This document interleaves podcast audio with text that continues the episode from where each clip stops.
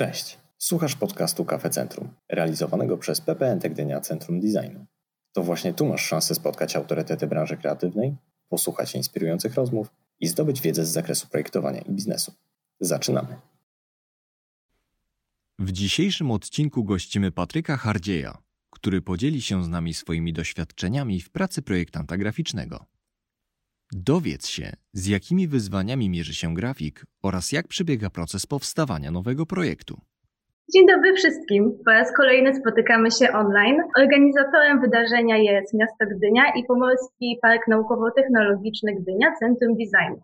Ja nazywam się Martyna Błaszczyk i poprowadzę to pierwsze, ale z pewnością nie ostatnie spotkanie z cyklu grafika. Naszym dzisiejszym gościem jest Patryk Hardziej i sądząc po zainteresowaniu nie muszę go przedstawiać, ale jednak zrobię to w kilku słowach. Projektant graficzny, ilustrator, researcher, wykładowca na Akademii Sztuk Pięknych w Gdańsku, założyciel kursów Sztuka Projektowania i Fundacji Karola Śliwki. Gdynianin działający międzynarodowo, pomysłodawca i kurator drugiej ogólnopolskiej wystawy znaków graficznych Międzynarodowej Wystawy Polskiego Designu, która odbyła się w sześciu krajach, nagrodzonej, nagrodzonej projektem roku STGU. Współpracuje innymi z Amnesty International, British Airways, BMW, Mini, Everdell, New Scientist Magazine, Narodową Galerią Sztuki Zachęta, Muzeum Emigracji w Gdyni, Ministerstwem Obrony Cywilnej i Zarządzania Kryzysowego Nowej Zelandii, autor identyfikacji wizualnej Centrum Designu oraz identyfikacji Gdynia Design Days 2016, 2017, 2018, 2019 i 2020. Wow! Identyfikację wizualną. Tak, zgadza się, to dobrze. I właśnie, identyfikację wizualną Centrum Designu zaprojektowałeś jeszcze na studiach. Czy pamiętasz, jak zaczęła się ta współpraca? Ja się przy, przywitam, bo, nie miałem takiej okazji. E, Cześć. E, Dzięki wszystkim, którzy, którzy znaleźli chwilkę czasu, żeby się połączyć. E, Postaram się opowiedzieć i o sobie, swoim procesie, pracach, ale może też o tym, jak e, wygląda praca projektanta w dzisiejszych czasach. Też dużo zależy od, od pytań, które mi Martyna przygotowała. E, Jeżeli chodzi o identyfikację samego centrum designu, to faktycznie nie pamiętam, który to był rok, może to był 2012, chyba 2012 albo 2011. Był ogłoszony konkurs dla studentów Akademii Sztuk Pięknych w Gdańsku właśnie na znak graficzny e, dla centrum E, i też startowałem w tym konkursie e, właśnie w pracowni Janusza Górskiego i Anity Wasik. E, No i tak się złożyło, że, że udało się zwyciężyć ze znakiem, e, który już nie funkcjonuje, ale funkcjonował przez, wydaje mi się, że dobre 6-7 lat. E, To były takie kostki i sam znak był dosyć dynamiczny i rozbudowany. Miał, miał niez- niezliczoną ilość rozwiązań i, i nie, nie, był taki statyczny. Po prostu w zależności, gdzie go się stosowało, czy na wizytówce, czy na papierze firmowym, czy w internecie, on był, e, był zupełnie inny. No, a, a później, a później przyszedł, przyszedł taki czas, że jednak PPNT chciało e, uspójnić swoją identyfikację do znaku, który mieli i do identyfikacji, która została za, zaprojektowana przez Super Super. No i te wszystkie jednostki, mm, które są podległe w tym centrum designu, e, Biolab i tak dalej, e, gdzieś tam mm, zaczęły nawiązywać do, do, do znaku tej, tej głównej placówki. Natomiast faktycznie pierwszy był konkurs, wynikiem konkursu studenckiego, później w pracowni u Janusza Górskiego była robiona identyfikacja. Yy, Dobrze to wspominam, bo w sumie to było jedno z pierwszych takich dużych zleceń brandingowych, dla mnie przynajmniej. No właśnie, e, od tego czasu minęło już e, parę lat i jestem ciekawa, czy dzisiaj, gdybyś e, pracował przy tym samym projekcie, zrobiłbyś coś inaczej. Znaczy to zawsze jest tak, że, że po czasie chce się zrobić coś, coś inaczej. Pytanie, czy to jest dwa dni, czy dwa lata, czy, czy jakiś inny okres czasu. I myślę, że to jest naturalne dla projektantów, że szukają nowych rozwiązań i, i też świat się zmienia, więc nasze odpowiedzi nie są aktualne zawsze, bo czasem są aktualne bardzo krótko.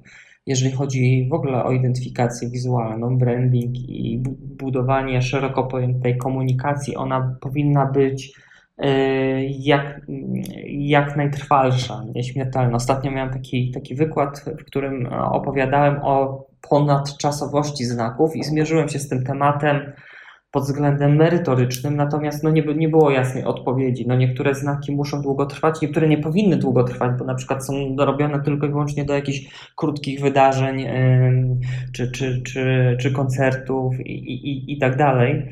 Natomiast z tym znakiem centrum designu było tak, że yy, przez to, że system był dynamiczny, bo wtedy mi się wydawało, że on będzie dłużej trwał, ponieważ yy, ilość wariantów, które w nim się mieściły. Elementem bazowym była prosta, yy, prosty sześcian, kostka taka.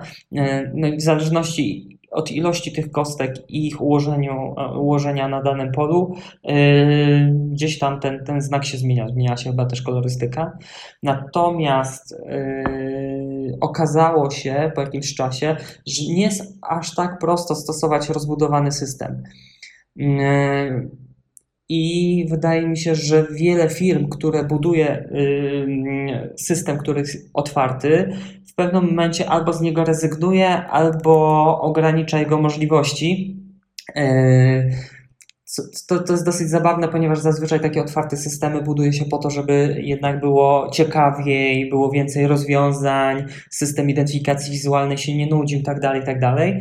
Natomiast no, później okazuje się, że y, bardziej y, ważniejsza jest y, praca danej jednostki, organizacji, firmy, to co oni robią, ich zadania, i komunikacja z klientami niż, niż sam niż, niż dbanie o, o wygląd y, firmy czy organizacji.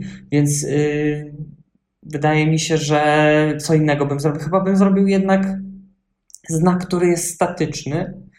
Y, I też, też podobne, z podobnego, do, do podobnych wniosków doszli projektanci, którzy kilka lat temu y, rebrandingowali galerię, galerię Tate Modern. E, londyńską Tate Modern. Wcześniej przez wiele lat funkcjonował rozbudowany system znaków, gdzie każdy był troszkę inny. Oczywiście wszystkie były z takich kropeczek zbudowane, natomiast niektóre dawały wrażenie bardziej lub mniej e, rozmytych w tym takim rastrze. No, no, i kilka lat temu po prostu ukrócili wszystko, dali jeden znak, który funkcjonuje, myślę, że takim, takim projektem, który przez wiele lat, y, przez wiele, no myślę ponad 10 teraz funkcjonuje, jest y, identyfikacja wizualna Casada Musica projektu Stefana Sagmeistera i jego studia no to faktycznie to był projekt przełomowy, który pokazywał otwarty system jego, z jego najlepszej strony, jak, jak można to eksplorować. Natomiast po pierwsze trzeba świetnie taki system pomyśleć na początku, żeby wiedzieć, y, żeby też dać narzędzia i manual do jego eksplorowania i do jego użytkowania. A po drugie, no, klient też musi konsekwentnie wdrażać i realizować. Taki system to, to, nie, to nie jest proste. Myślę, że to już jest kwestia nawet pozaprojektowa, jak projektant, jak studio projektowe dogaduje się z klientem i jak oni gdzieś tam mm, nawzajem y, przerzucają się kompetencjami, bo to, to musi być później jeden organizm, który chce jednego, żeby, żeby coś dobrze wyglądało, komunikowało i było różnorodne. To jest oczywiście trudna droga i właśnie będąc na studiach się jej, jej podjąłem. Może dlatego też był pozytywny wynik tego konkursu. Dzisiaj jednak stawiałbym na jeden znak spójny. Oczywiście robię bardzo często e, nadal systemy rozbudowane, natomiast w tym przypadku chyba jeden znak wydaje mi się, żeby, żeby mógł, mógł, mógł dalej funkcjonować. Tak jak teraz ten, te znaki, które są gdzieś tam e, bardzo prosto oparte na naukach, które, e, które Centrum Designu i inne jednostki gdzieś tam stosują. Poruszyłeś bardzo wiele w ogóle ciekawych wątków, aż nie wiem o co Cię zapytać, ale w ogóle fajnie, że zahaczyliśmy o temat studiów. E, sam jesteś wykładowcą I chciałam Cię zapytać, e, czy uważasz, że aby zostać projektantem graficznym konieczne jest ukończenie studiów i czy w ogóle mm, studia są w stanie przygotować do bycia projektantem? Bo wiadomo, że przygotowanie teoretyczne to jedno, ale co do takiego praktycznego przygotowania do funkcjonowania na rynku? Znaczy to jest tak, że jednak nadal pokutuje e, ten taki tryb, czy, czy w ogóle pamięć o tym, co było w PRL-u i, e, i o funkcjonowaniu wtedy Akademii Sztuk Pięknych, rynku, państwa, gospodarki itd. Tak itd. Tak e, teraz, teraz to nie jest aż tak, e, aż tak widoczne, natomiast po, po, od początku zacznę, zacznę od, od tego, jak było kiedyś, żeby przejść do tego, jak jest dzisiaj, żeby można było przewidzieć, co, co będzie w przeszłości, w przyszłości. No, chociaż ja nie za bardzo lubię przewidywać, ja wolę gdzieś tam grzebać w tym, co, co było kiedyś. Więc tak, w PRL-u yy, studiowało się na akademii, no, no, były różne kierunki, załóżmy, że chcieliśmy zostać plakacistą albo jakimś projektantem grafiki użytkowej, no to musieliśmy na tej Akademii Sztuk Pięknych pójść na Wydział Grafiki albo Grafiki Malarstwa, bardzo często to były połączone wydziały. E, zdobyć dyplom i dopiero jak mieliśmy dyplom, mogli, mogliśmy się starać o legitymację albo od, od razu gdzieś tam dostawaliśmy legitymację członka Związku Artystów Plastyków. I e, dopiero kiedy byliśmy w związku, mogliśmy dostawać zlecenia, ponieważ wszystko było sterowane centralnie. Yy, nie było zleceń takich prywatnych. Oczywiście można było coś dla brata, siostry, ciotki, wujka zrobić, ale to nie było ani intratne finansowanie, to nie był sposób na życie. Wszystkie zlecenia takie poważne od instytucji e, państwowych były sterowane właśnie przez pracownie sztuk plastycznych i tego typu organizacje.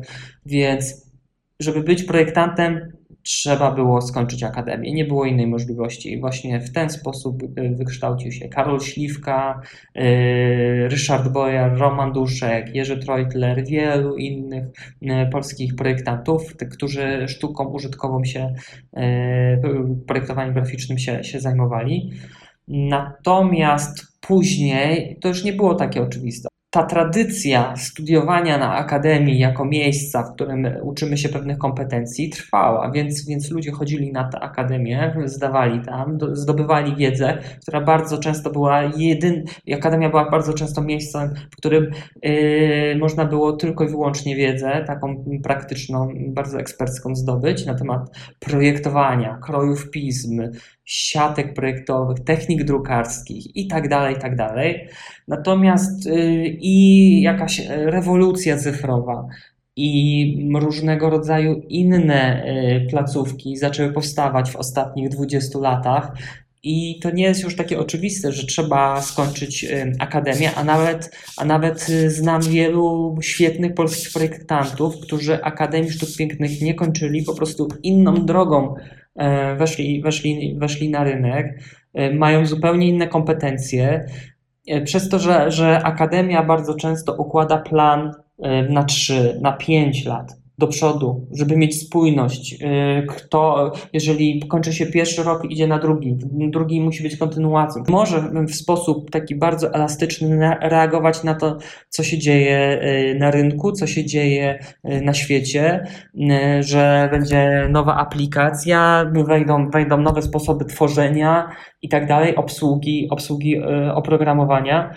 Y, więc y, projektanci w zupełnie in, inny sposób gdzieś tam do tego podchodzą. Już, już nawet niektórzy projektanci nie nazywają się grafikami, tworząc na przykład grafikę, grafikę E, oni, oni na przykład tworzą interfejsy i to, cały, cały, cała dziedzina UI, UX, nowego typu projektanta dopiero się wykształca. Są projektanci, którzy bardzo rzadko gdzieś tam mają coś stycznego ze sztuką, Akademią Sztuk Pięknych, bardziej, bardziej niż na kanonach z historii sztuki opierają się na badaniach psychologii E, i, e, i innych, innych, innych rzeczach niż, niż taki tradycyjny projektant.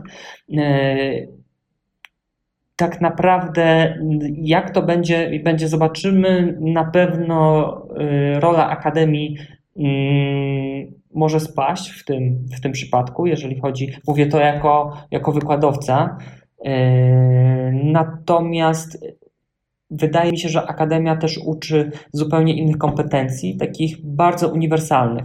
Bo jeżeli chcemy od razu po akademii wskoczyć na rynek i, i mieć taki know-how, jeżeli chodzi o, o, o pracę, o, o rynek i tak dalej, to wydaje mi się, że warto na początku przepracować w jakimś studiu graficznym, w jakiejś agencji, załapać się na staż, poznać jak ten rynek funkcjonuje faktycznie, ponieważ, ponieważ na Akademii mamy zupełnie inne, e, inne bodźce. Nie? Więc, więc y, wydaje mi się, że taki projektant, który skończy grafikę na SP, bardziej będzie y, na przykład uwrażliwiony na, na, proporcje, bardziej będzie uwrażliwiony na kolor, bardziej będzie uwrażliwiony na, no coraz częściej też na komunikację wizualną, takim typ, typografię, hierarchię i tak ale mniej będzie działał technologicznie, chociaż te, te, te organizacje, szkoły, czy artystyczne, czy, y, czy takie branżowe też zaczynają się przekształcać i dostosowywać. Ludzie też czerpią z internetu bardzo dużo informacji, jest mnóstwo wykładów, webinarów, tutoriali i tak. To się trochę przenika, więc, więc y, po prostu Akademia nadal stara się uniknąć mm, bycia tym takim miejscem, które ma uczyć y, technikaliów, mm, ma być y, miejscem, w którym robi się tutoriale z oprogramowania i tak dalej. Bardziej zadaje się pytania i bardziej uczy się myślenia mm, bardzo ogółowego. I ta, ta ogółowość może się komuś przydać, albo komuś się może nie przydać. No to zależy od, od człowieka i tego, jak daleko e, chce tam się zagrzebywać w tym i, i, i jakie ma umiejętności wykorzystywania tej wiedzy w praktyce. E, właśnie e, poruszyłeś temat tego praktycznego doświadczenia i widziałam też, że dzisiaj na Twoim profilu na Instagramie pod informacją o dzisiejszym spotkaniu pojawiło się właśnie kilka pytań dotyczących tego, czy świeżo po studiach e, lepiej jest odbyć staż w małym studiu, czy lepszy będzie etat w dużej firmie, czy może właśnie działanie jako freelancer?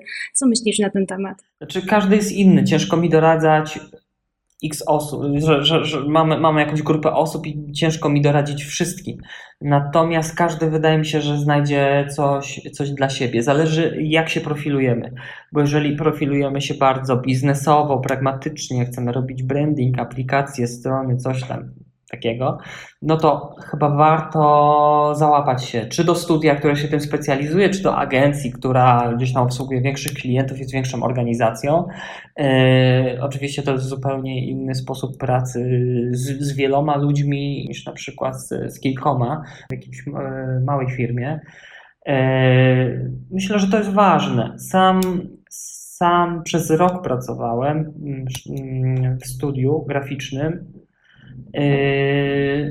I to mi pomogło przede wszystkim dowiedzieć się, że nie chcę w taki sposób pracować, tylko chcę pracować na własną rękę. Oczywiście ilustratorzy mają zupełnie, czy osoby, które robią rzeczy autorskie, mogą zupełnie inaczej grać, bo one nie potrzebują mm, tego wdrożenia, nie potrzebują mm, uczenia się takich kompetencji yy, komunikacyjnych w większym zespole i tak dalej one mogą działać na własną rękę y, i bardzo często robią to z sukcesami, więc y, nie ma, nie ma złotego środka, y, tylko po prostu bym to, bym to bardziej podzielił. Jeżeli ktoś chce być bardziej autorski, bardziej mm, artystyczny, jak, jakkolwiek to nazwiemy, i robić swoje po prostu, to niech robi swoje od początku i się nie ogląda. A jeżeli ktoś potrzebuje na początku dowiedzieć się czegoś więcej, nauczyć, poszerzyć kompetencje, ale już takie jakieś biznesowe, no to jak najbardziej niech załapie pracę y, gdzieś tam, a później zobaczy po kilku latach, czy mu to pasuje, czy mu nie pasuje, bo są osoby, które czują się bezpiecznie na etacie i one absolutnie nie chciałyby się męczyć z tymi wszystkimi fakturami, z tymi wszystkimi, y, z tą całą księgowością, różnymi sytuacjami, z którymi musi, musi się małe studio albo pojedynczy projektant gdzieś tam mierzyć. Wolą mieć szefa, zrobić swoją robotę dobrze, a później mieć czas przynajmniej na czytanie książek. No bo ci drudzy mogą, może się okazać, że tego czasu nie mają. No i to jest w lepszej sytuacji rozwojowej. No chyba ci, którzy są na etacie, prawda? A kto jest później bardziej zadowolony, no to już musimy zrobić jakieś badania, żeby zobaczyć, których jest więcej. Taka jest moja opinia. Dokładnie, no też tak myślę, ale właśnie interesujące chyba jest to połączenie e, też w Twoim wypadku e, z biznesem, bo praca projektanta graficznego kojarzy się z kreatywnością, zresztą nie bez powodu jest wykładana na Akademii Sztuk Pięknych, a Ty prowadzisz własne, własne studio, więc no musiałeś gdzieś o te e, kwestie biznesowe na pewno zahaczyć nieraz pewnie robisz to codziennie, ale moje pytanie brzmi, czy byłeś gotowy na trudności związane z prowadzeniem własnej firmy i czy coś Cię zaskoczyło? Codziennie mnie wszystko zaskakuje, szczególnie, szczególnie w systemie prawnym i księgowym, który, który mamy w Polsce. Nie, szczerze mówiąc, y, szczerze mówiąc, nie byłem przygotowany, żeby prowadzić y, firmę. Dyplom zrobiłem w 2014 roku. Zanim się tam wdrożyłem, zacząłem robić rzeczy na własną rękę już tak, e, znaczy robiłem już na studiach, ja już pracowałem, starałem się wdrażać w rynek, już nawet przed studiami robiłem pierwsze zlecenia, więc tak naprawdę to nie było tak, że, że kończę studia i teraz będzie coś, coś nowego. Nie. I, I wszystkim studentom, jeżeli studenci to oglądają, radzę, że jeżeli macie dyplom i po dyplomie dopiero chcecie się skupić na szukaniu pracy czy na robieniu zleceń, to już będzie za późno. Musicie to już robić w połowie studiów, y, albo najlepiej jak zdobędziecie jakąkolwiek tylko wiedzę na temat projektowania, już zacząć coś robić. Obojętnie, czy to będzie ktoś z rodziny, czy to będzie znajomy. Ja na przykład zaczynałem robiąc y, identyfikacje wizualne dla firm znajomych.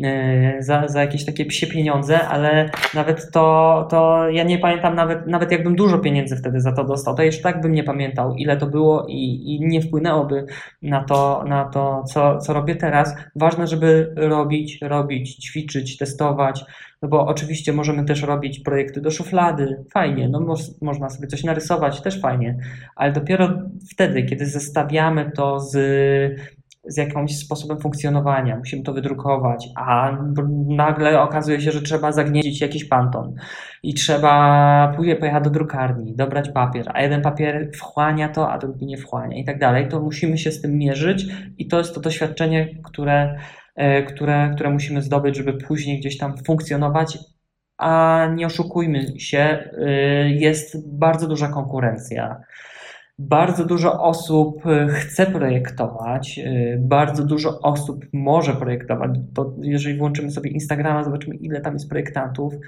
no to naprawdę jest to przerażające, ponieważ nie dość, że wszystko już było zaprojektowane, to jeszcze okazuje się, że, że klienci mogą sobie wybierać. Nie, my nie jesteśmy już ostatecznym wyborem, mogą sobie przeskoczyć na kolejnych 50, którzy, którzy wyskoczą w rekomendacjach. Więc, e, więc naprawdę nasze doświadczenie takie też, też e, realne, myślę, że, że może, może dobrze wpłynąć na, na, na to postrzeganie.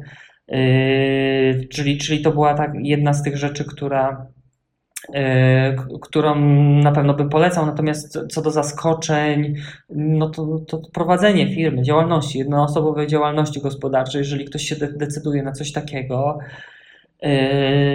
no to, to, to, też nie jest jakieś bardzo, bardzo trudne, bo przecież no, ludzie prowadzą firmy z powodzeniem.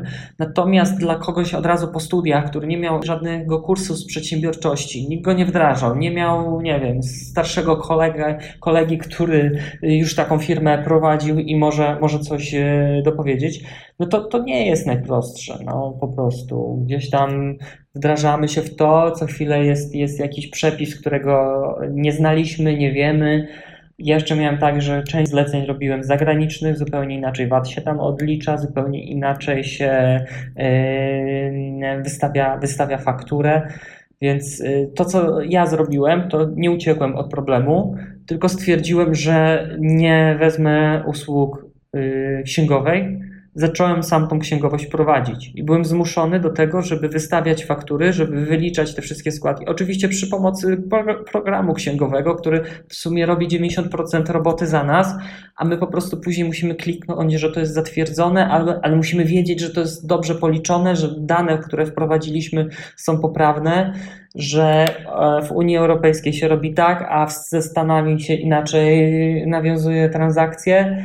Więc y, to było trudne, i tak naprawdę tego nigdy się nie opanuje w 100%. No, ja też do dzisiaj popełniam błędy, konsultuję czasem z księgową taką, którą, którą e, jak już zupełnie nie wiem co zrobić, to do niej dzwonię, ale właśnie warto po, nauczyć się podstaw. Później możecie to dać komuś, ale, ale jeżeli wiecie, co to jest VAT, ile podatku dochodowego e, na liniowym czy na, na progresywnym e, trybie odprowadzacie, to jesteście w stanie świadomie budować budować później biznes, świadomie zaplanować wycenę, wydatki i tak dalej. Bo jeżeli nie jesteśmy świadomi, ile pochłoną nam, nas podatki, ile musimy zrobić kosztów, żeby coś nam się e, opłacało, no to później są wszystkie te problemy z wycenami, problemy z e, z tym, ile ja mam brać godzinowo za projekt i tak dalej, żeby mi się to opłacało. I bardzo często młodzi projektanci nie wiedzą tego, ale nie wiedzą tego też, też dlatego, ponieważ yy, mało się o tym rozmawia. I bardzo fajną inicjatywą, która została yy, wskrzeszona, nawet nie wskrzeszona, stworzona przez Renę Wawrzkiewicza, yy, są Polish Graphic Design Talks, na których Renę rozmawia z różnymi freelancerami, projektantami, studiami, agencjami o tym, ile wycenia się w branży kreatywnej e, swoją pracę. No bo na przykład y, prawnicy mają różne tabele. Oczywiście są lepsi i gorsi prawnicy, którzy, którzy albo lepsi, bardziej znani i tacy, którzy gdzieś tam w innym, innym, e, w innym, na innym polu pracują i po prostu inaczej oni, oni wycenią. Natomiast yy, gdzieś tam też są tabele i każdy gdzieś może się do czegoś odnieść. No, w pracy takiej kreatywnej kreska postawiona przez Picassa jest inaczej warta niż kreska postawiona przez y, początkującego gdzieś tam artystę, twórcę. Więc y, bardzo dużo jest czynników, y, ale trzeba pamiętać o tej, o tej podstawie, takim racjonalnym planowaniu i swojej pracy, i zarobków w tej pracy, i właśnie księgowości, przynajmniej częściowej wiedzy albo jakiejś takiej szczątkowej, ale żebyśmy mieli wiedzę, jak to, czym to się je. No i jakaś taki zakres prawny, czyli konstrukcja umowy, przeniesienie praw autorskich. No przecież praca projektanta to nie tylko projekt, bo możemy zrobić projekt, który idzie na ulotkę w banku. No, nie w banku, idzie na ulotkę w sklepie osiedlowym. Ale jeżeli okaże się, że ten sklep osiedlowy nagle za miesiąc, za dwa osiąga ogromne zyski i wykupił y, we wszystkich kanałach telewizyjnych reklamy telewizyjne, billboardy i jeszcze ma na dwa rynki jest, jest y, przeniesiony zagraniczne, to nagle okazuje się, że nasz projekt, który zrobiliśmy za 120 zł, no to jest nieadekwatny do wykorzystania i y, profitów, które ma zamawiający z tego, więc dobrze skonstruowana umowa, która zawiera pola eksploatacji, też jest bardzo ważna. Zdecydowanie. E, a ja właśnie chciałam jeszcze zapytać o mm, właśnie pierwsze zlecenie komercyjne, bo tak jak zwróciłeś na to uwagę, to pierwsze zlecenie bardzo często jest takie dla młodych projektantów na pewno problematyczne właśnie z tego względu takiego prawnego, biznesowego.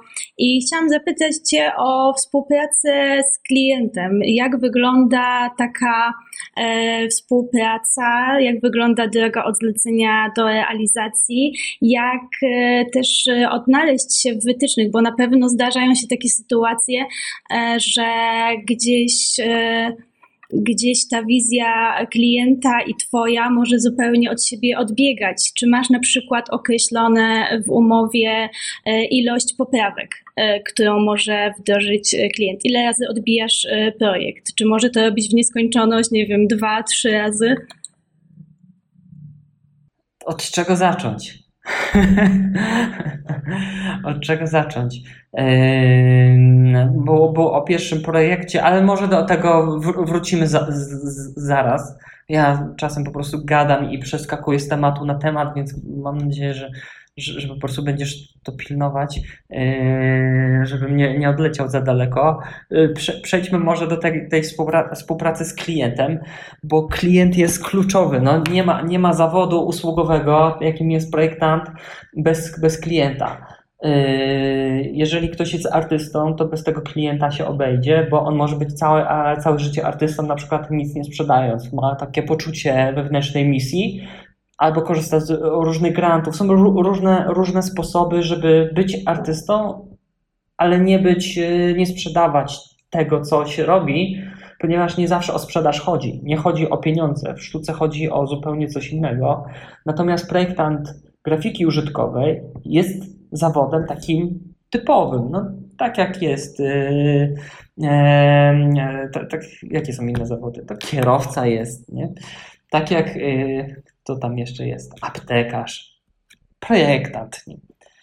Yy, tylko te takie jakieś wątki artystyczne tam się w, przewijają a w niektórych zawodach bardziej wątki technologiczne i tak dalej. Więc po prostu różne są proporcje, ale oprócz tego to jest normalny zawód usługowy. No i w normalnym zawodzie usługowym musimy jednak z tym klientem współpracować, a poza tym, co, co ważniejsze, to ten klient nas znajduje, czy nam coś zleca, żebyśmy mu coś wykonali za jego pieniądze. Nie? Więc, więc to jest tak, że my jesteśmy tam w hierarchii troszkę niżej. I y, bardzo często jest tak, że jeżeli ktoś nie ma, y, nie ma y, jakiegoś takiego poczucia własnej wartości wystarczającego, albo jest nieśmiały i tak dalej, a klient jest z drugiej strony e, bardzo narzucający się, to te, ta, ta przestrzeń, te, te proporcje rosną. Więc moim zdaniem też nie ma idealnego rozwiązania, po prostu musimy widzieć, czy dana osoba, z którą współpracujemy, nam odpowiada, czy nie. Czy my z naszego doświadczenia możemy powiedzieć, czy my sobie damy radę, czy nie damy. Po prostu ocenić to. I na przykład jak ja widzę, że na początku współpraca może nie iść dobrze, to bardzo często nie podejmuję się jej. E, nie idę w zaparte, że ojej, ale to będzie w ogóle super dużo pieniędzy i e, fajne, fajne rzeczy na Instagrama później powstaną z tego, że, że ten, ale ja wiem, że będę się męczył. Nie.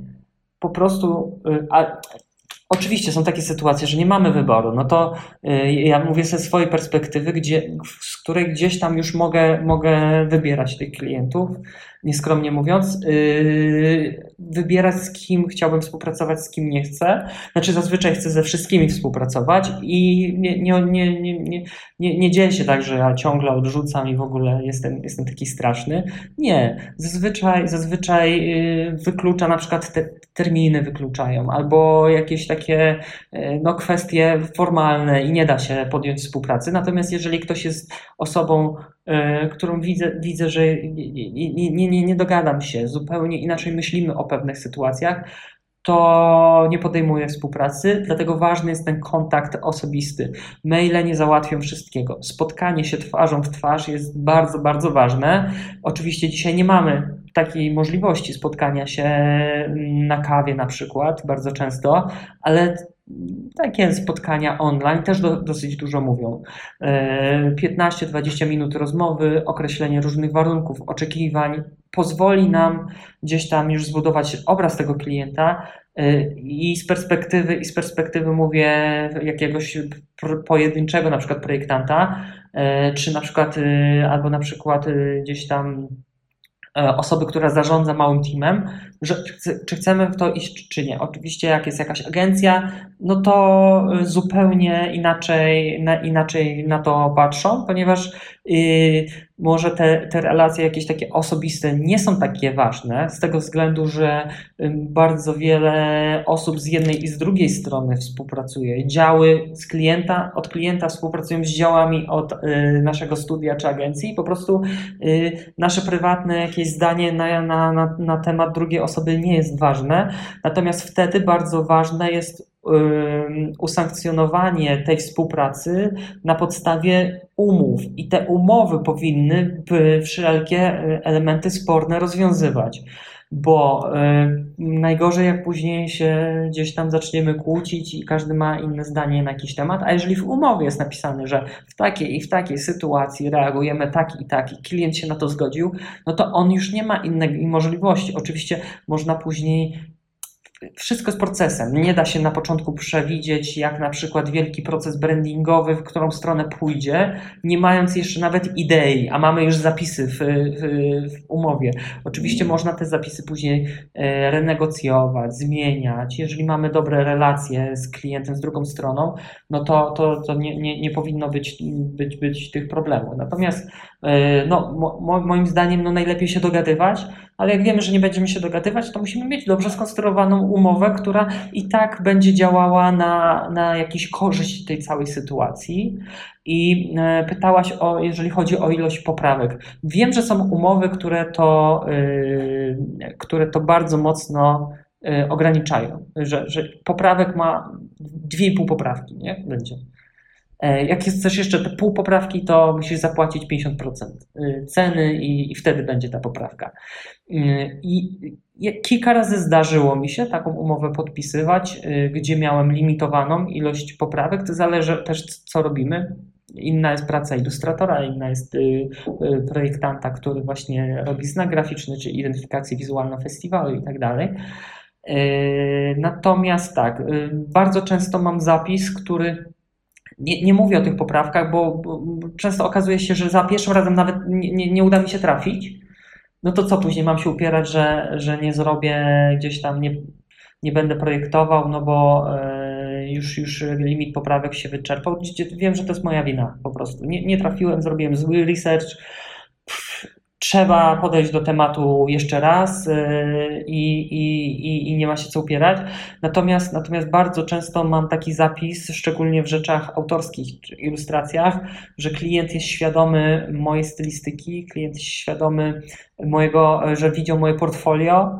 Y, I y, jest zapis też o takiej, nie pamiętam jak teraz to, to jest ujęte dokładnie, ale takiej wolności twórczej, że ok, jeżeli ktoś wziął mnie, no to wie mniej więcej, mniej więcej czego się spodziewać. Yy, i wie, że yy, ja mu nie sprzedaję tylko i wyłącznie pliku photoshopowego, tylko mój sposób myślenia o jakimś temacie, który jest podparty wieloma yy, projektami wcześniejszymi, jest podparty portfolio, jest podparty takim know-how projektowym, że ja w tym siedzę, żyję, codziennie czytam artykuły o, o projektowaniu, tu o typografii, tutaj o znakach graficznych, tu o ilustracji. I, i mniej więcej jestem troszkę wyżej, y, jeżeli chodzi o wiedzę niż, niż ten klient, po prostu ja chcę to zasygnalizować no, natomiast natomiast bywa, bywa różnie. No, są projekty, które ja jestem świeżakiem, a klient wie wszystko o swojej branży, bo na przykład prowadzi 30 lat swoją firmę i to jest trzecia, trzecia zmiana, druga fuzja i piąty rebranding. A ja na przykład nie robiłem nigdy y, firmy, która się zajmuje na przykład obróbką metalu, nie? a on wie wszystko o tym. Więc ja, ja, ja staję się wtedy tą osobą, która chce mu pomóc swoimi umiejętnościami, ale ja też chcę się dowiedzieć jak najwięcej od niego na ten temat, żeby nie przestrzelić, żeby też jego klienci, y, bo tak naprawdę ja, ja mówię do jego klientów, nie do niego, nie? bo czasem, czasem ten, ten klient zamawiający nie wie do końca, czego chce, więc y, rolą projektanta jest dowiedzenie się tego, ale nie u bezpośrednio osoby zamawiającej, tylko wyjść na zewnątrz, jak tam inni myślą o nim. I dopiero y, nie nasze argumenty, tylko argumenty osób z zewnątrz są w stanie na przykład przekonać go do pewnych, pewnych, pewnych rozwiązań. Ale jeżeli chodzi o jakieś bardzo duże problemy, to nie spotykam się na co dzień z problemami, które można przeczytać na tym fanpage'u, yy, yy, co znosi psychika grafika. No, nie mam czegoś takiego. W sensie wydaje mi się, że i rozmawiałem bardzo często z osobami, które, które mają takie sytuacje. Sytuacje to zazwyczaj gdzieś tam w pracy w agencji one, one się yy, zdarzają. Y, gdzie właśnie często te współprace są przypadkowe. My jako projektanci nie, nie znamy tego klienta wyżej, y, bo dostaliśmy tylko y, od account, account managera jakąś informację, coś zrobiliśmy, trochę, trochę się poruszamy po omacku, a do 16 trzeba skończyć projekt, no i, i później wychodzi, co wychodzi. Nie?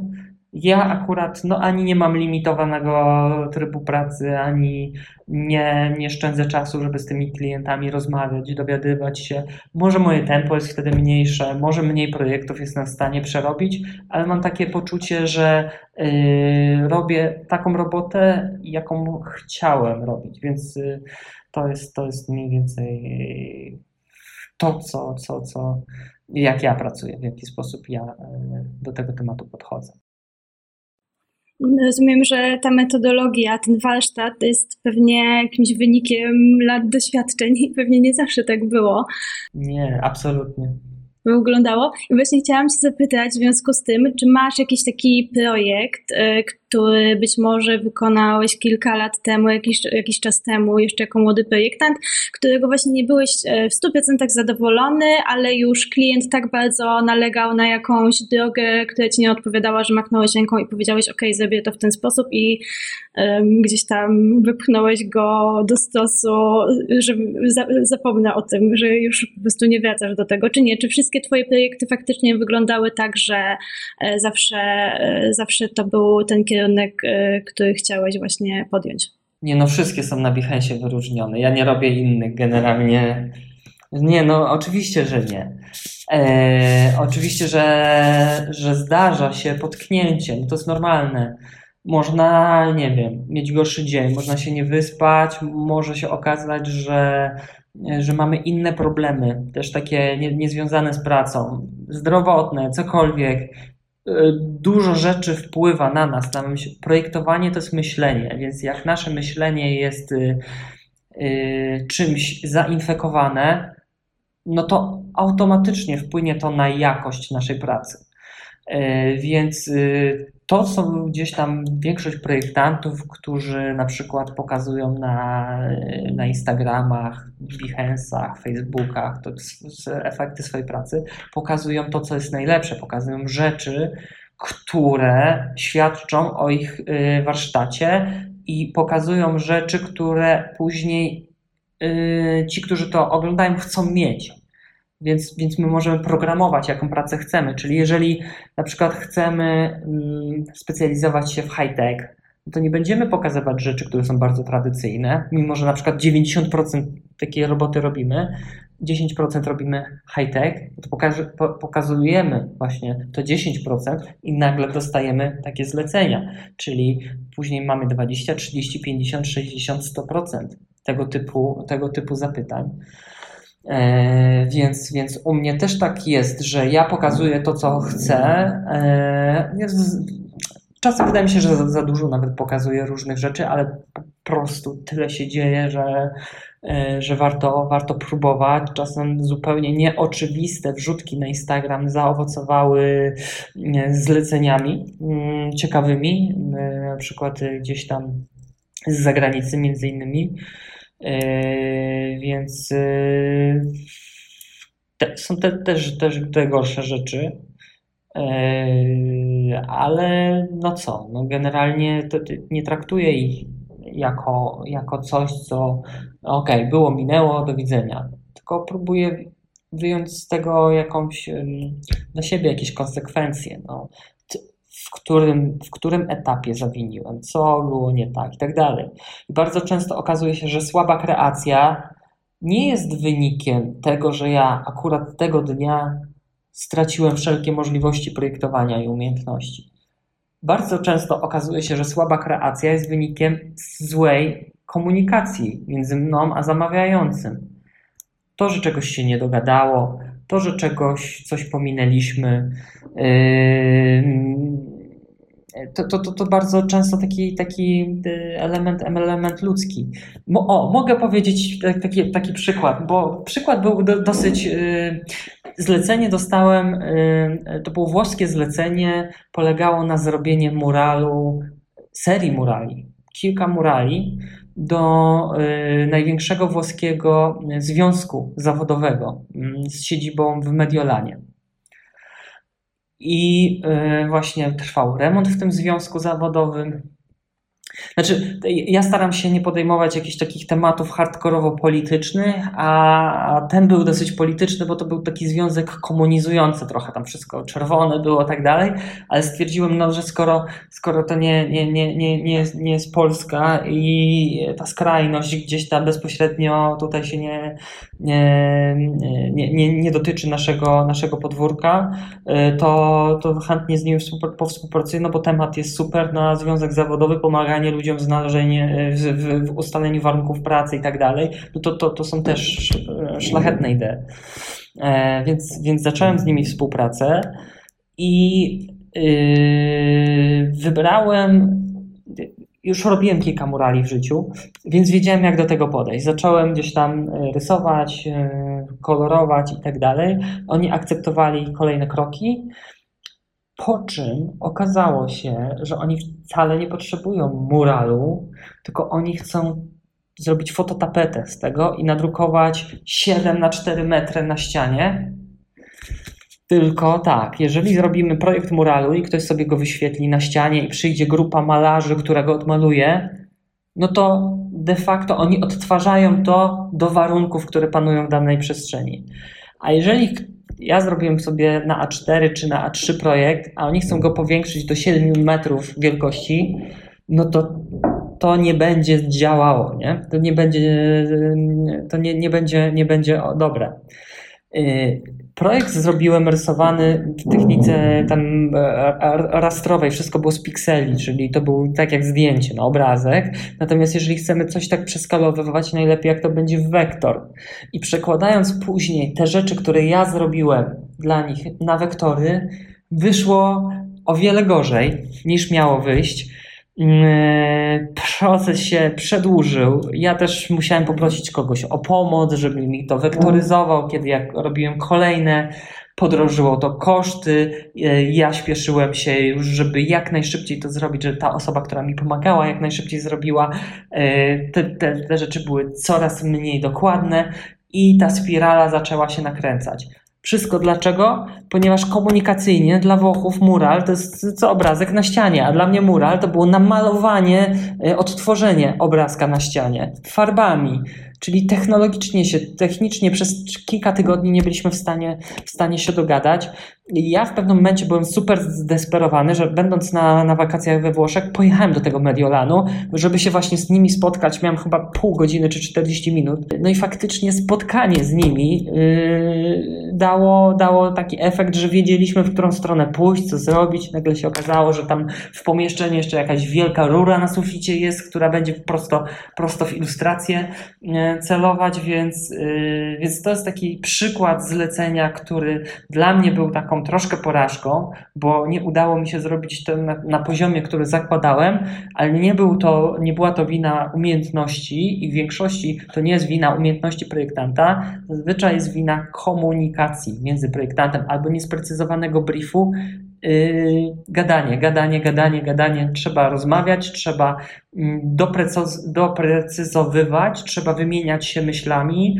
Realizacja ma być wynikiem tego, a nie, że ktoś coś zamawia, my robimy wynik, a później się zastanawiamy, co z tym zrobić, jak zmienić i tak dalej, i tak dalej. Druga rzecz, że polscy klienci muszą chyba się nauczyć jeszcze odpuszczać, bo na przykład bardzo rzadko mi się zdarza z klientem zagranicznym, że on zmienia to, co ja mu zaproponowałem w sposób radykalny. Może coś podpowiedzieć, zasugerować, zmienić coś, co faktycznie ja przeoczyłem, a okazuje się, że, że dla klienta jest bardzo ważne. Natomiast nigdy nie wpływa na całość, że to, co ja zaproponowałem, jest jakieś takie poczucie szacunku e, wobec, wobec projektanta i wtedy vice versa, taki szacunek do klienta się buduje, że ok, my sobie rozumiemy, ty mi to zleciłeś i klient wie, że dobra, jeżeli nawet mu się to nie podoba, to następnym razem pójdzie do kogoś innego ale absolutnie nie będzie zmieniał mojej roboty, ponieważ y, poświęciłem trochę czasu na to, poświęciłem kawałek, czas to jest życie, no, kawałek życia dla niego, więc okej, okay, nie wyszło, bo może źle dogadaliśmy na początku, albo, albo nie, było to, nie, nie było to bardzo jasne, y, następnym razem zgłoszę się do kogoś innego, ale dziękuję za Twoją robotę. I tyle. A u nas jest odwrotnie, jest po prostu obwinianie, dlaczego, dlaczego to jest takie, a nie inne. Nie? Tam trzeba zmienić, bo ja chcę, żeby było zupełnie. I, I dla projektantów to jest ciężkie. Natomiast dla projektantów to jest ciężkie, dopóki sami oni nie są zamawiającymi. Bo kiedy ja kilkukrotnie w zamawiającego się zmieniłem, no to nie chciałbym być po drugiej stronie. Nagle się okazuje, że wszystkie moje rady i wszystkie takie know-how projektowe znika, bo ja tam widzę, że to jest jakieś przesunięcie, że coś trzeba ten, może kolor jakiś inny, a coś tam, a może sam zaprojektuję coś tam i pokażę komuś, jak to powinno być, chociaż nie mam na przykład wzorniczych albo jakichś architektonicznych y, umiejętności, a tu architekt z drugiej strony co, coś, coś robi, a ja po prostu chciałem pokazać, nie, w sumie ja trochę wiem, jak to powinno być. E, no i samemu trzeba po prostu odpuścić się, się, nauczyć, szanować innych, no, czyli myślenie, szanowanie innych i komunikacja. To są trzy rzeczy, które wydaje mi się powinny cechować dobrego projektanta. Super, no to widzę, że mamy nawet takie trzy krótkie rady dla młodych projektantów. E, a ja już przejdę może do pytań od publiczności, bo jest ich całkiem sporo. Ojej, już zleciało 45 minut ponad. Tak, e, bardzo szybko zleciał nam czas. Więc ja jeszcze zadam kilka pytań. Kacper pyta, jak bardzo doświadczenie nabyte w fizycznych formach sztuki, rysunku, malarstwie przydaje Ci się dzisiaj w projektowaniu? Bardzo. Bardzo. I jeżeli, znaczy zależy kto co robi, bo jeżeli ktoś będzie robił aplikację mm, na telefon, to może to, to jakoś może nie, ten rysunek y, średnio przyda. Natomiast rysunek nie uczy umiejętności rysowania projektantów, bo, bo my później nie musimy tych martwych natur czy aktów robić i tak dalej. To jest zupełnie, zupełnie o, o czym innym rozmowa. Rysunek uczy obserwacji. Widzimy, przypatrujemy się głupiej gruszce przez godziny patrzymy w goruszkę, w jabłko, w draperię, patrzymy.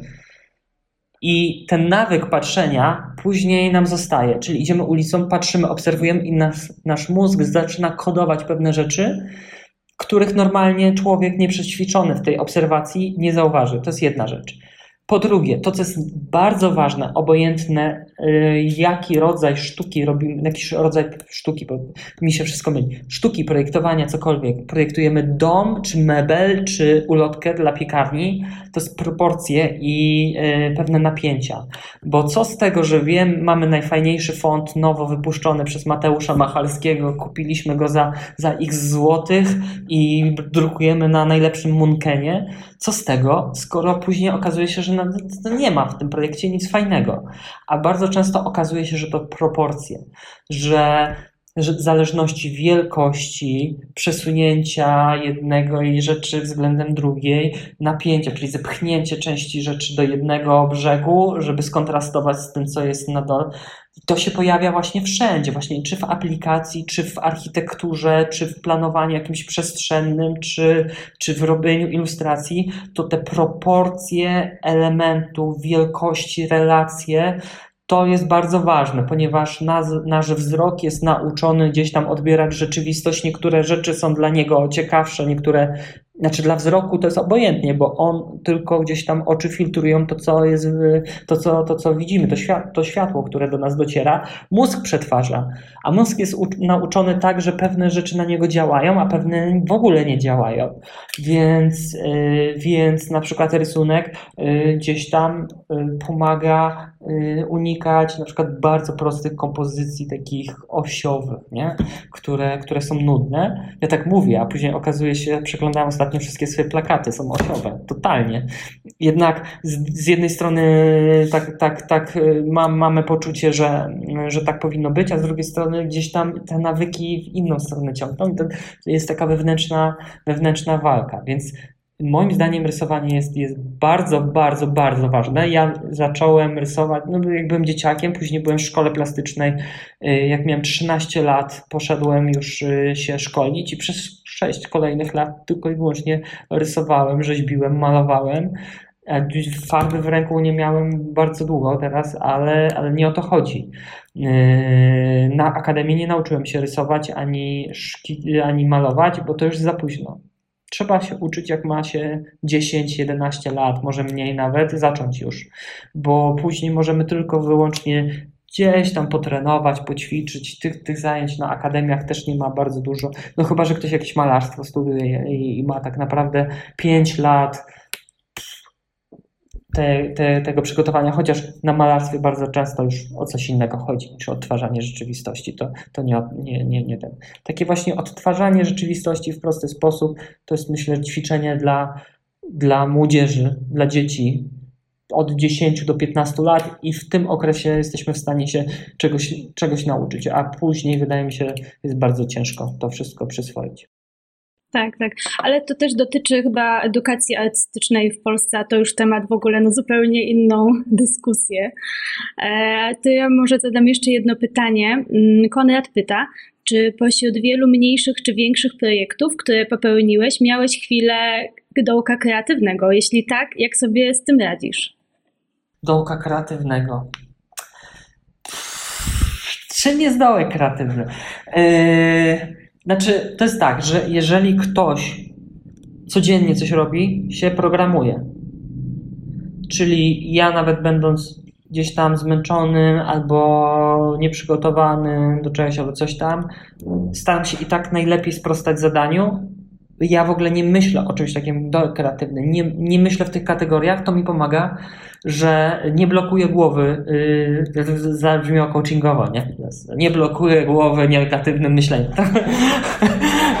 Nienawidzę tego typu stwierdzeń, ale tak, tak jest. Po prostu mm, jak masz do. Ja, ja, zazwyczaj starałem się wybrnąć z sytuacji, że każda, każda jakaś taka niepowodzenie, każda przeciwność jest okazją do zrobienia czegoś może trochę inaczej, nie najprościej.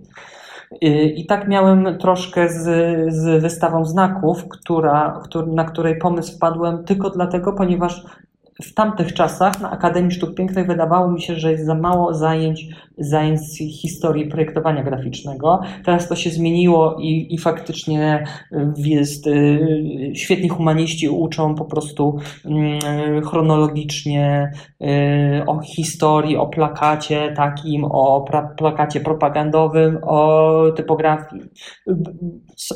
Słyszałem kilka świetnych, świetnych wykładów, więc to już nie jest jakaś taka bardzo bardzo aktualna historia. Natomiast ja czegoś takiego nie miałem. Czułem takie ssanie właśnie i zamiast się załamać, ja nie wiem jak to zrobić. Co ja teraz mam? chcę plakat zrobić, ale ja totalnie jest tyle rzeczy w internecie, nie wiem na, od czego zacząć, czy ja powinien tak, czy śmać. Nie, ja po prostu wy, wykorzystałem to jako okazję, czyli jak ja czegoś nie wiem, to muszę się dowiedzieć. Czyli jeżeli ja nic nie wiedziałem, kim jest Karol Śliwka, bo ja raz słyszałem jego nazwisko podczas studiów, to mówię, to ja zadzwonię do Karola Śliwki. I, i to pomogło. Właśnie wykorzystywanie, właśnie trzeba, trzeba sobie postawić pytanie, dlaczego ja mam taką blokadę, nie? Czym to jest spowodowane? I, i wtedy, jak zna, z, znajdziecie powód tej blokady, prościej jest y, ją przełamać. Mm, ale ja bym to uważał, że to, to, jest, to jest okazja pewna do, do pewnych działań, może czasem wykraczających poza schemat. No.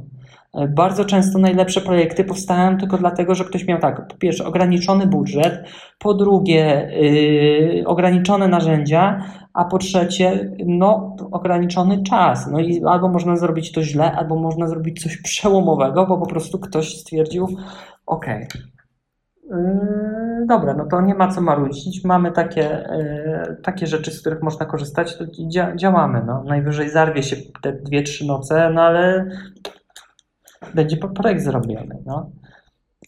Czyli, czyli to, to jest jedna rzecz, a druga rzecz to jest ciąg, ciągły rozwój. Czytanie, oglądanie i pracowanie, pracowanie, pracowanie. No, generalnie powiem, no, szczerze mówiąc, wszyscy dobrzy projektanci, którzy znam, można by powiedzieć, że są pracocholikami. No.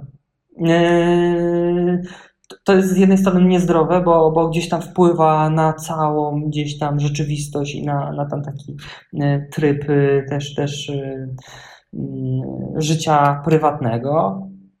Ale kurczę, ja nie znam chyba innego sposobu, żeby żeby po prostu robić coś dobrze, niż żyć tym. No. I wtedy nie ma dołków kreatywnych. Dobrze, to ja w takim razie zadam już ostatnie pytanie. Julia pyta. Nie, no nie? dopiero się rozkręcam. No. Ja też bym chciała jeszcze trochę porozmawiać, bo ja mam tyle jeszcze e, wątków, które chciałabym podjąć, no ale niestety sobie rozmawiamy już godzinę. Także już ostatnie, ale takie szybkie też pytanie. Julia pyta, która identyfikacja GDD jest twoją ulubioną? Która, e, wszystkie oczywiście, wszystkie dyplomatyczna odpowiedź dla Centrum Designu. E, znaczy, to jest tak, że co roku jest inny temat, z którym gdzieś tam trzeba się skonfrontować. I tematy są tak szerokie, że nie, nie jestem w stanie, czy nie jesteśmy w stanie, jeżeli pracujemy w zespole, bo bardzo często wcześniej pracowałem bardziej samotnie, później w, w tandemie i tak dalej. Teraz, teraz y, albo, albo przynajmniej, przynajmniej dwie osoby razem, razem z, z moją dziewczyną, z Adą, a czasem jeszcze z innymi osobami. E, no i każdy temat jest inny, inaczej trzeba odpowiedzieć.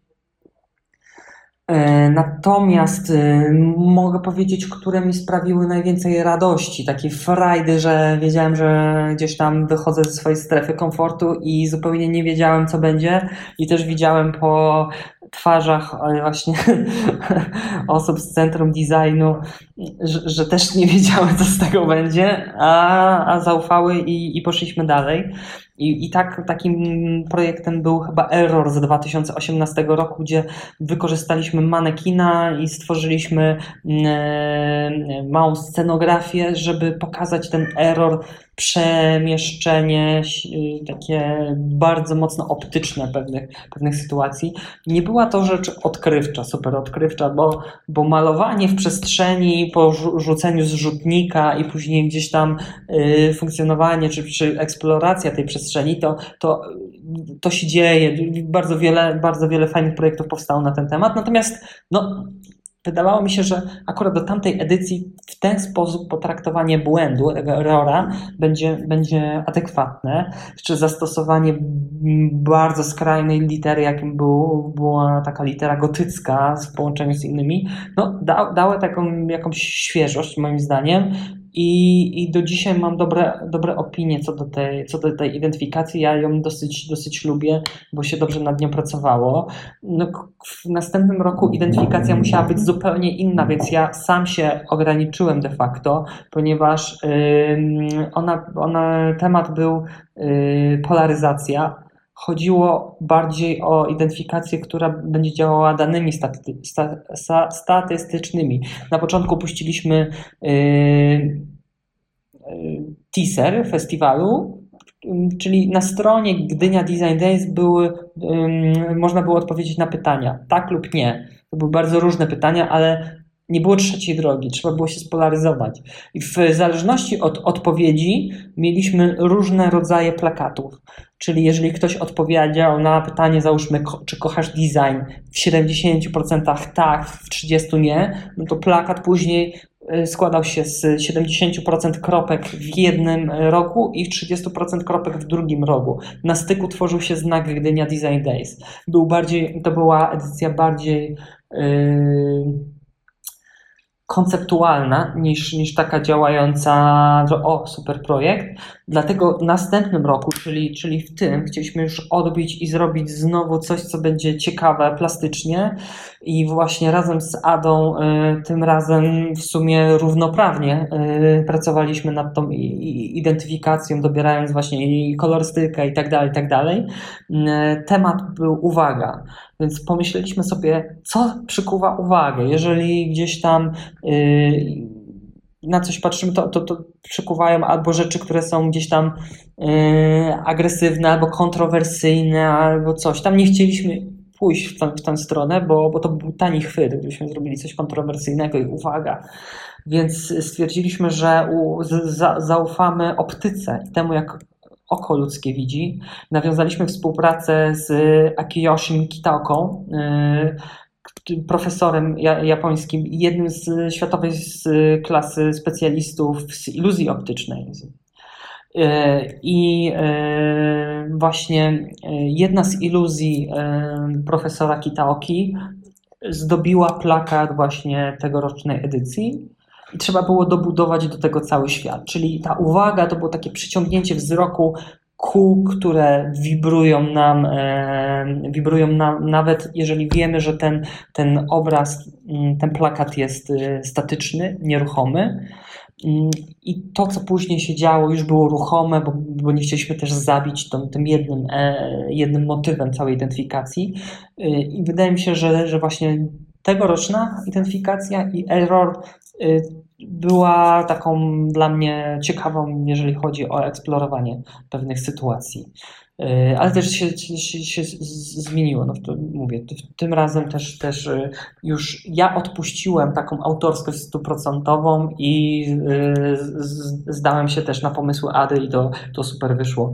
Mm, I coraz częściej razem po prostu też współpracujemy przynajmniej przy identyfikacjach wizualnych, no bo wiadomo, ilustracje każdy musi zrobić na własną rękę, no bo nikt nikogo nie zastąpi w tym, ale, ale projektowanie, ogólne rzeczy, znaki graficzne i tak dalej, no wspólnie, no Teraz akurat zmieniam studio, ale w pewnym momencie w studiu też było kilka osób, no to pracowaliśmy, pracowaliśmy też, też w takim większym teamie. E, wszystkiego trzeba poznać, moim zdaniem. Dobrze, ja Ci dziękuję bardzo za rozmowę. E, dziękuję bardzo i dziękuję wszystkim, którzy gdzieś tam wytrwali. Tak, ja też dziękuję naszym widzom, słuchaczom za pytania, za czas i mam nadzieję, że wynieśliście z tej rozmowy e, cenne informacje, inspiracje, no i motywację do działania. E, jeszcze raz dziękuję Patrykowi za podzielenie się swoją wiedzą i doświadczeniem. E, organizatorem spotkania był Pomorski Park Naukowo-Technologiczny Gdynia Centrum Designu. Dziękujemy, że byliście z nami. Na dziś to wszystko. Po więcej ciekawych treści zapraszamy na naszą stronę internetową www.centrumdesignu.gdynia.pl i media społecznościowe. Do usłyszenia w kolejnym odcinku.